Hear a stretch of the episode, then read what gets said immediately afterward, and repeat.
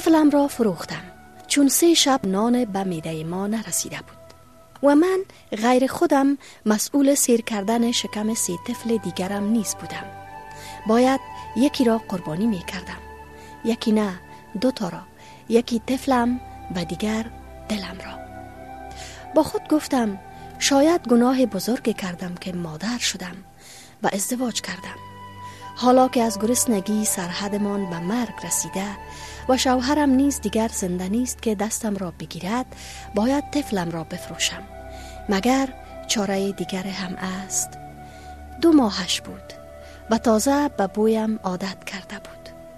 اما من در پستانهایم چیز نداشتم تا برایش بدهم. دیگر گرسنگی ما را به مرگ نزدیک می کرد بدتر از همه این زمستان بود که از راه می رسید و من حیران بودم چگونه این زمستان را پشت سر بگذرانم. بناهن دخترم را به شفاخانه نزدیک شهرمان برده و اعلان فروش کردم. در همان روز اول یکی از خانمه هایی که در شفاخانه آمده بود به قیمت 20 هزار افغانی خواهان خریداریش شد. دلم تاب نمی گرفت چی کار می کردم ای خدا؟ چگونه دلم را از شیرین طرز جانم بکنم؟ خدای من چی کنم؟ یک بار با خود گفتم بیا نفروشم چی می شود؟ شاید گرسنه نمانیم. اما نه بدون شک که بی پول بودم و گرسنه می ماندیم. این خانم خریدار نیز به پاهایم افتاد و خواستار دخترم شد و گفت من سالهاست که اولاد ندارم. تو را به خدا این دختر را به من بده. به خدا خوب بزرگش می کنم آه کشیدم و با خود گفتم حرف نیست. دختر اول و آخرش فروش و دادن است. چی حالا؟ چی شوهر کند؟ به مرور زمان از دلم خواهد رفت. بعد چند دقیقه زجر و پاره پاره کردنی دلم دختر را به دستش دادم و پول را گرفتم.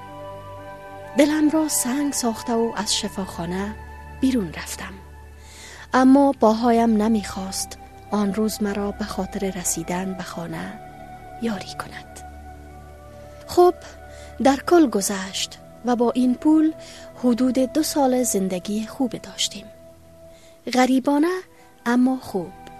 ولی دیگر هرگز ندانستم دخترم به کجا است چی می کند چی می خورد هیچ را نمی دانستم فکر می کردم می توانم فراموشش کنم اما نتوانستم. سه سال بعد در یکی از زلزله ها خانه کوچکمان ویران شد و دو تن از فرزندانم زیر سنگ به خشت های خانه گشت و مرد. دیگر من مانده بودم و یک پسرم. گرچه این سوزش های پیرم کرده بود ولی باز هم گذران می کردم سالها گذشت و پسرم بزرگ شد. به من گفت می خواهد به ایران به خاطر کار برود. من هم چون غریبی زیاد دیده بودم اجازه دادم برود. رفت و بعد شش ماه احوالش آمد که پودری شده و دیگر بر نمی گردد. این خبر روح مرا از تنم جدا کرد.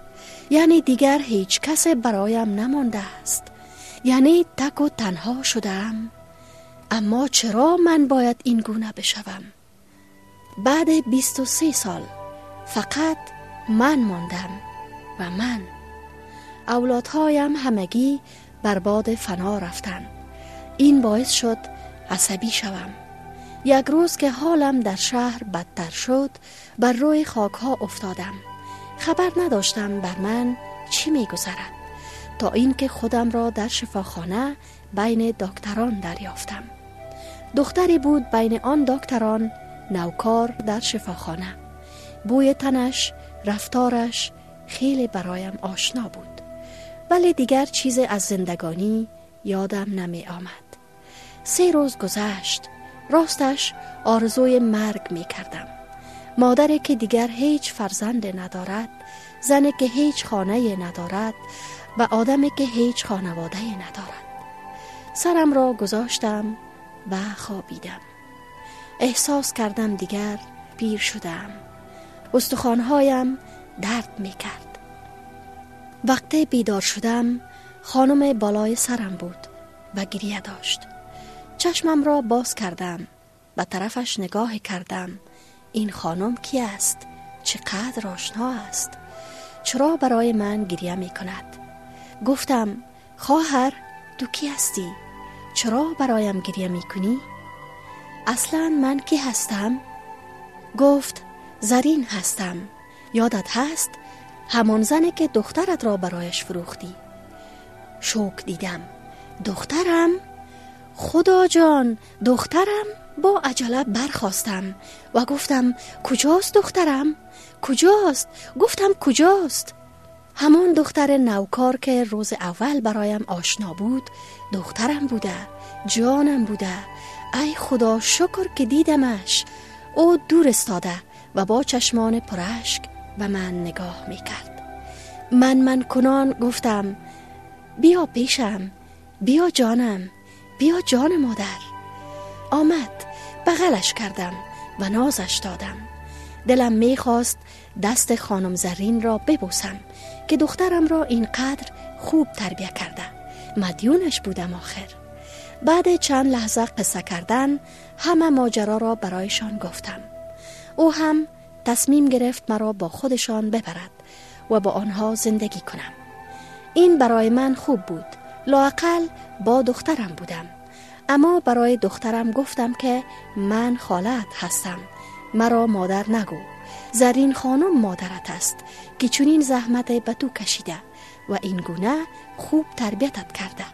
دوباره با خود گفتم مادر مادر است نه به خاطر اینکه به دنیا می آورد بلکه به خاطر اینکه فداکاری می کند و همه داشته هایش را فدا می کند آه مادر چقدر نایاب است!